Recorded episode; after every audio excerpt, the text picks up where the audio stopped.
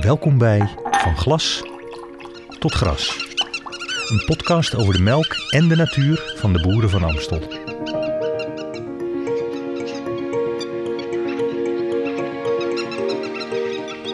Misschien ben je hier gekomen met de QR-code op het pak melk dat je net hebt gekocht. Of je hebt ons gevonden via de site van Boeren van Amstel of van Vogelbescherming.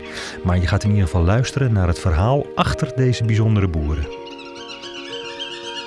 Het verhaal van de boeren van Amstel begint eigenlijk bij een bevlogen weidevogelbeschermer, Mark Kuiper. Ja, het is eigenlijk ontstaan in, in, in gesprekken met de voet op tafel uh, die we hebben met boeren. En uh, ja, het belangrijkste uh, idee, de vraag die opkwam was... hoe kunnen wij ons, ons beheer wat we doen voor weidevogels en bloemen en natuur... hoe kunnen we dat linken naar het product wat we maken? En dat is zuivel zodat ja, dat je de consument ook die zuivel, uh, specifiek die zuivel kan kopen. Dat is eigenlijk de, de oorsprong van, de, van het idee. Dat, dat er een verhaal zit bij het pak melk wat je koopt. Ja, precies. Uh, er zijn natuurlijk heel veel mensen die zijn uh, ongerust over hoe het gaat met de natuur in Nederland. En die willen best wel wat ondersteuning geven aan mensen die zich daarvoor uh, inzetten. En het zou natuurlijk heel mooi zijn als je dat via de, de, de, de zuivel die je koopt kunt doen. Ja. En daar is de Ronde Hoep en de Bovenkerkenpolder. Zijn daar goede gebieden voor? Ja, dat zijn hele goede gebieden. Dat zijn polders waar eigenlijk al nou ja, heel lang hard wordt gewerkt om de vogels naar de zin te maken. En dat lukt ook. We zien dat het goed gaat met de vogels. dus daar zit heel veel enthousiasme bij de mensen die hier boer zijn. Ja. Dus je probeert eigenlijk de melk uit deze polders apart te houden van de gewone melk, zeg ik maar even. Ja, nou alle melk dat zal nog een, uh, nog een tijd duren voor we zover zijn. Maar een deel van die melk, ja, die willen we inderdaad zichtbaar verkopen. Dat je weet dat als ik deze melk koop of deze yoghurt koop, dan is dat een product uh, van boeren die zich uh, inspannen voor de natuur. Ja, en wat is dan stap 2? Hoe begin je met zo'n plan? Dan ga je bedenken van ja, hoe, hoe kunnen wij zelf melk in een pak stoppen? Um, dat is nog niet zo eenvoudig. Dus ja, je hebt allerlei adviseurs uh, haal, je, uh, haal je erbij die dat bedenken. Je gaat een begroting op, uh, opzetten. je gaat naar geld zoeken. Ehm, dat is natuurlijk ook een hele, een hele klus. En de boeren waren best bereid om zelf ook wat geld erin te stoppen. Ja, ik wil zeggen, was het niet moeilijk om boeren hiervoor te vinden? Nee, dat was gelukkig niet moeilijk. Ja, zo is de sfeer hier gelukkig. Dus uh, we hebben gezegd van, uh, nou, we hebben het idee om dit te gaan beginnen. Wie wil er meedoen? En uh, de helft van de boeren die doet direct mee. Misschien dat het begin een beetje aarzelend was, maar ja, dan zie je de plannen en iedereen vindt het een heel leuk plan. En ja, je, je, begint ergens aan waar je niet weet of, of het allemaal goed zal lukken. Maar ja, er was de bereidheid om die risico's dan maar te nemen. Waarom is de Ronde Hoep en de Bovenkerkenpolder bij uitstek een geschikt gebied om zo'n plan te lanceren? Nou, dat heeft met twee dingen te maken. Eén, uh, de, de geschiedenis en de manier waarop er geboerd wordt. En uh, het tweede is denk ik ook uh, de, de, de, inzet die die mensen hebben. Kijk, het is uit de geschiedenis kijkt, dan zie je dat het grote polders zijn. De ene is, is een goede 1000 hectare, de andere 600 hectare. Ze liggen naast elkaar. Dus je hebt een groot gebied. Dat is altijd goed voor weidevogels, want een klein hoekje wordt het heel moeilijk.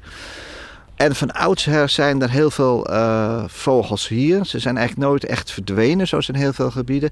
En dat komt weer omdat de bedrijven hier uh, nou ja, middelmatig van, van, omvang zijn. Het zijn dus niet hele grote bedrijven.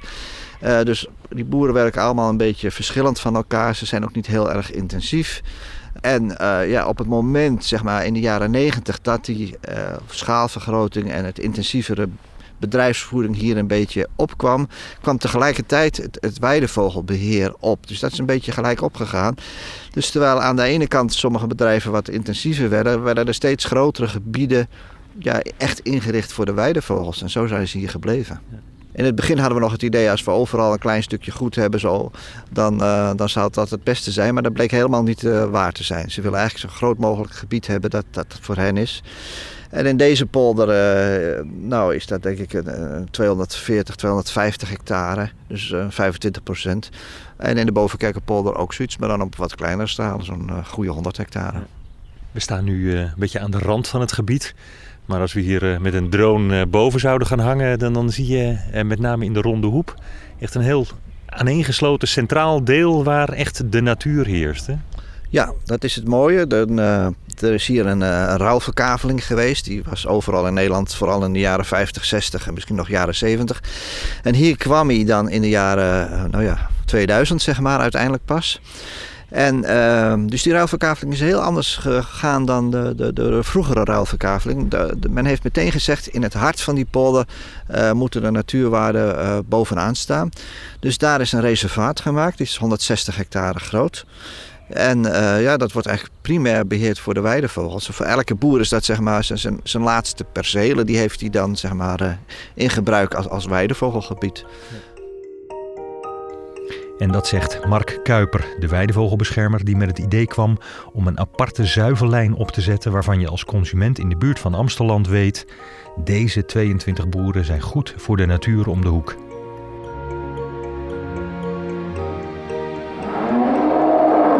Een van die boeren is Wes Korrel. We spreken hem in de stal waar nog een paar van zijn koeien lopen. Als ze alleen lopen, dan uh, er zijn er maar een paar in de stal. Dus dan, uh, ja, dan willen, ze willen toch bij de koppel. Hè? Dat, die uh, roepen even naar de vriendinnen. Ja, of, of ze voorkomen, maar die lopen een kilometer verder in het land. Dus dat gaat niet. Die horen het niet. Nee, ja, Best Korrel, we staan nu in jouw stal. Toen dit idee ontstond, van ja. jongens, we gaan met een aantal boeren een eigen melklijn opzetten waarvan de consument weet van deze boeren zijn goed voor de natuur, goed voor de weidevogels. Stak je toen meteen je vinger op? Ik was uh, sowieso wel geïnteresseerd, maar om het te realiseren dat, nou daar had ik wel mijn twijfels over. Ja, uh, er zijn alleen maar minder fabrieken gekomen met grotere hoeveelheden melk. Dus ja, we zijn eerst maar eens gaan kijken of we een coöperatie konden oprichten. En zowaar was daar toch wel veel belangstelling voor. Dus eigenlijk uh, in Amsterdam zijn, nou, ik denk drie kwart zo'n beetje van de boeren die melk, uh, die melkveebedrijven hebben, die zijn toch wel lid geworden, ja. Dan heb je het dus inderdaad over de problemen van de financiering en het opzetten van zo'n zuivelcoöperatie. Dan heb je het niet over de, problemen om het weidevogels naar de zin te maken. En dat, dat, is, dat is makkelijk. Of dat makkelijk is? Nee, dat is niet makkelijk. nee, dat is niet makkelijk. Maar kijk, je kan. Uh, je, we willen juist daar wel een, een, een, uh, een, een boost aan geven door uh, meer kruidrijke percelen zeg maar, te realiseren in het gebied. Dat, was, dat is eigenlijk de, de, de, het doel, zeg maar. Dat is de sleutel. Meer kruidrijk land, minder van dat monotone grasland. Ja, inderdaad. Ja, minder, uh, ja, minder turbogras, zeg maar. Zoals ze dat wel eens noemen. Hè. Dus alleen Engels rijgras. Of, uh...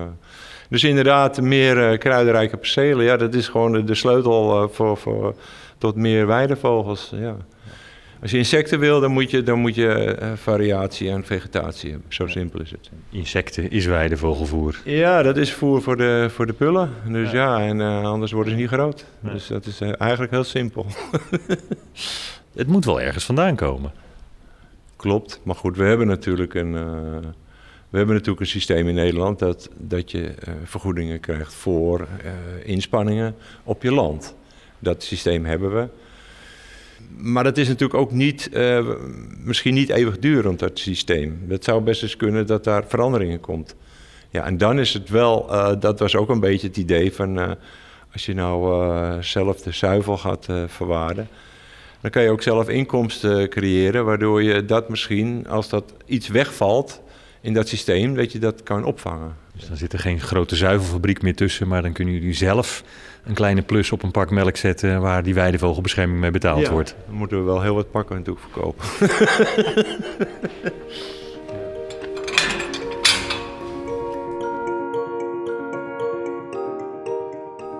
En als de boeren van Amstel dan heel wat pakken melk willen verkopen, dan hebben ze dus ook een eigen zuivelfabriek nodig.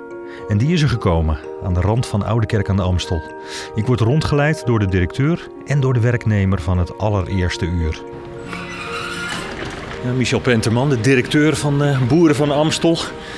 Hier gaat de roldeur open naar de fabriek. Ja, hier gebeurt het allemaal. Nee, we zien hier een, een zelfstandige zuivelfabriek waar we de, de melk verwerken van 22 boeren.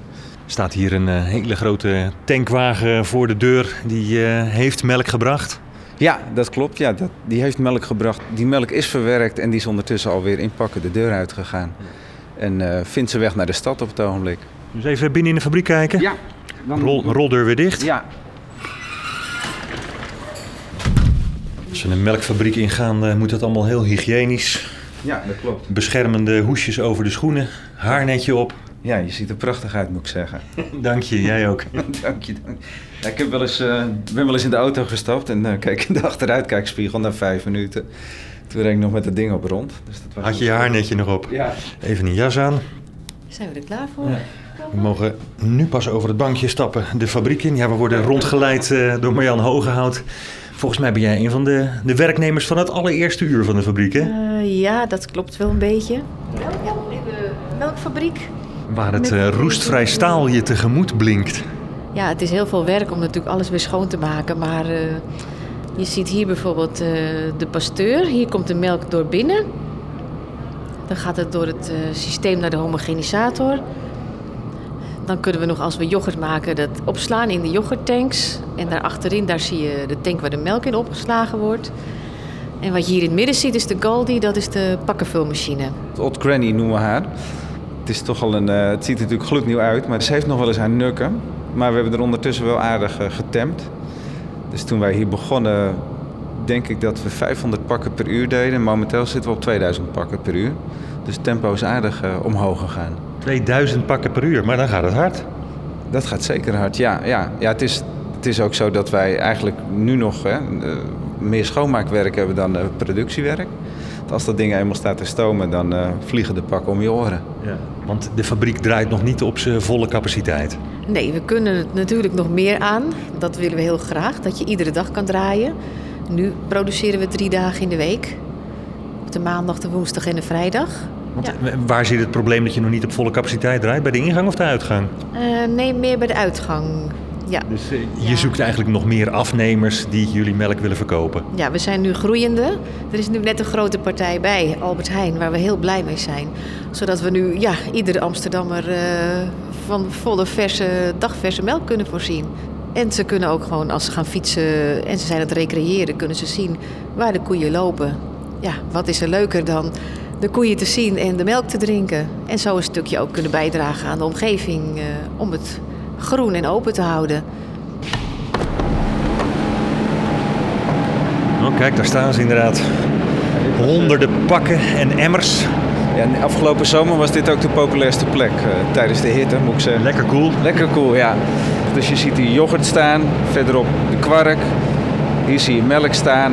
En uh, ja, het is gewoon uh, snel erin en snel eruit. Ja. Grote emmers met yoghurt. Ja, doe de deur maar weer dicht, anders uh, vliegt alle kou er ook uit. Maar hele grote emmers met yoghurt, die, die krijg ik thuis niet snel leeggegeten. Nee, nee, die zijn voor de, met name hotels. En ja, de grootverwerkers. We hebben ook grote emmers met melk. Wat zijn jullie belangrijkste afnemers? Je noemde al de supermarkten. ja, een aantal groothandels. Die zijn natuurlijk heel belangrijk, want da daar komen de horecaklanten weer. Bijvoorbeeld uh, de Spa Zuiver in het Amsterdamse Bos. Die gebruikt onze yoghurt uh, voor de gasten. Amstel Hotel hebben we bijvoorbeeld. Dat vinden we natuurlijk hartstikke leuk. Ja, daar worden de grote emmers yoghurt voor gebruikt. Ja. Nou, het heel leuke is, Waternet was hier natuurlijk. Uh, en we moesten waterschapsbelasting gaan betalen. Maar die zitten met een heel groot pand zelf aan de Amstel. Ze hebben gezegd, prima, we gaan niet verder praten voordat jullie de boeren van Amstel in jullie assortiment hebben. Nou, ondertussen betalen we inderdaad waterschapsbelasting, maar hebben zij ook uh, boeren van Amstel Zuivel in hun, uh, in hun hoofdkantoor staan. Maar als jij een belastingaanslag krijgt, dan zeg je ik ga pas betalen als jullie eerst mijn melk afnemen. Ja, ja zo doen we dat hier. Ja, heel goed. Heel goed. ja, daar houden we van. Gewoon recht toe, recht aan. Geen gedoe. Er komt melk uit deze fabriek emmers en ook pakken yoghurt nog meer?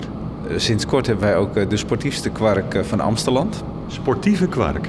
Topsporters die uh, hebben 25 gram eiwitten nodig per dag om uh, de spieren te herstellen.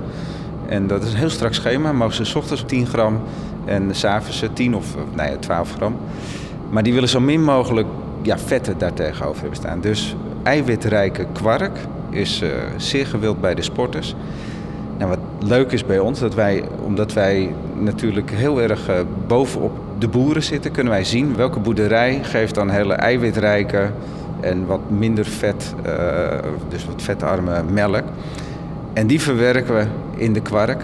Daarmee kunnen wij de sportiefste kwark van Amstelland. het is nog een term waar wat de mensen af en toe aan moeten wennen. Maar hebben we samen ook trouwens met een diëtist van uh, Topsport Amsterdam en de voetbalclub AZ ontwikkeld. AZ. En je werkgebied is Amsterdam. Is dat niet een beetje tricky? Ja, maar kijk, je moet altijd iets, een stapje vooruit kunnen maken. En we kijken hier tegen de arena aan. Dus Ajax komt vanzelf wel. Kijk. De melk die jullie verkopen is allemaal vol, hè? Is dat bewust? Ja, daar hebben we ja, bewust voor gekozen. Een, een koe geeft geen halfvolle melk. Daarom hebben we de volle melk in de pakken. We standaardiseren het ook niet. En ja, daar onderscheiden we ons mee. Uh, wij houden alle vet en eiwitten erin, halen er niets uit, stoppen er ook niets in. En daardoor is het uitermate geschikt voor in de cappuccino's. Omdat het mooi uh, vet- en eiwitgehalte heeft. Ja eigenlijk een beetje alsof je de melk bij de boer koopt. Ja, toevallig zit er dan even een kleine zuivelfabriek tussen. Maar... Ja, ja je, je bent natuurlijk verplicht om het te pasteuriseren, maar dat doen we zo laag mogelijk, zodat de goede smaak uh, behouden blijft. Dat horen we ook vaak, dat mensen zeggen deze melk smaakt naar vroeger. Verschilt dat zoveel per bedrijf hoeveel vet of eiwit er in die melk zit? Ja, in, in de winter ligt het vrij gelijk allemaal, maar in de zomer heb je nog wel eens verschillen bij boeren. Het ene gras is het andere gras niet. Nee, je hebt ook heel veel verschillende soorten gras. Daarom willen we het ook stimuleren dat de boeren meer kruidenrijk grasland gaan produceren, zeg maar. Ja. De melk wordt er lekkerder van en de grutters en natuurluurs uh, worden er ook blij van. Ja, ja, zeker. Want dat is toch wel de opzet. Dat je de natuur ermee helpt, de weidevogels en de omgeving gewoon mooi groen houdt. Met vogelgeluiden. We nemen nog een slok. Proost. Ja, en wat leuk is, als je nou naar het pak kijkt, dan als, als, als Marjan deze melk drinkt, zit ze ook de helft van de tijd tegen de man aan te kijken. Want die staat erop. Mag jij, mag jij raden wie het is? Wie is jouw man? Even denken. Even kijken hoor. Achterop? Nee, nee, nee. heb je verkeerde gegokt? Fout. nee, de zijkant. Ah, kijk. Ja, dat is Kees. Ja. Trots? Ja, zeker. Tuurlijk. Hartstikke trots als je man op dat pak staat. Dat is hartstikke leuk. Een hele strijd hoor, wie erop mag staan. Dus, uh... Oh, dat, eh, dat wisselt nog? Uh, het gaat nog wisselen, ja. We, Natuurlijk ook, uh, we proberen Marjan erop te krijgen. En we willen ook de, de dames natuurlijk een plekje geven. Maar voorlopig laten we het hier even bij, want ja, het is gewoon een, een mooi pak. En het valt op in de, in de schappen. En uh, het enige wat we wel vaak te horen krijgen van uh, waar is die boerin? Nou, die, uh, die gaat komen. Die, die, komt bij de volgende lichting pakken. De, boerinnen, de boerinnen die komen er ook ooit op. Ja, en uiteindelijk gaan we ook kwartetten met pakken, dat we het hele ja. palet van alle 22 boeren compleet krijgen. Ja, dan moeten we er nog twee bij hebben, want dan hebben we 24 en dan is het er zes deel. En dan kunnen we kwartetten, ja. precies. nou, misschien doen we jou er wel op, joh.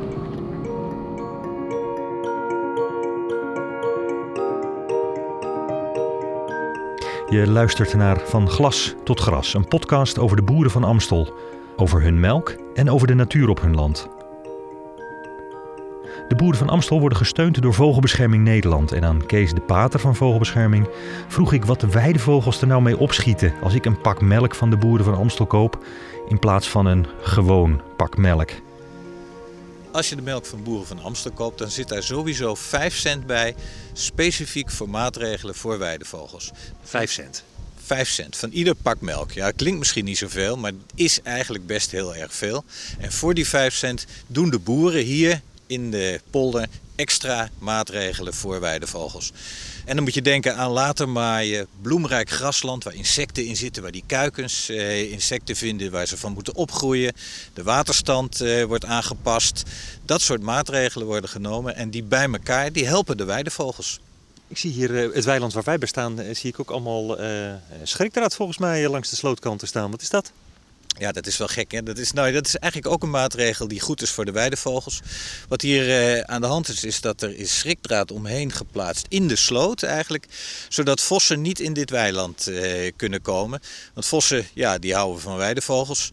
Um, en dit uh, helpt net een beetje, want juist nu die populaties van die weidevogels zo beroerd eraan toe zijn, moeten we met dit soort maatregelen voorkomen dat er te veel in de bekken van uh, vossen en katten verdwijnen. En kijk, per pak melk, wat, uh, wij betalen misschien uh, een euro, maar die boer die krijgt natuurlijk veel minder dan die, dan die euro.